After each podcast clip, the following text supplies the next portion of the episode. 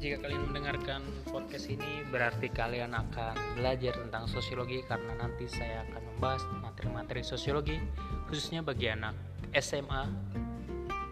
Juga akan sedikit mengulas tentang materi antropologi untuk anak kelas 10 SMA.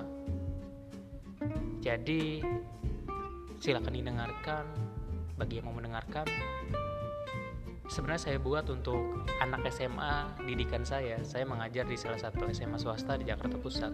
Karena situasi pandemi dan tidak bisa bertemu langsung di kelas, kadang menggunakan media lain, suara saya terputus-putus katanya.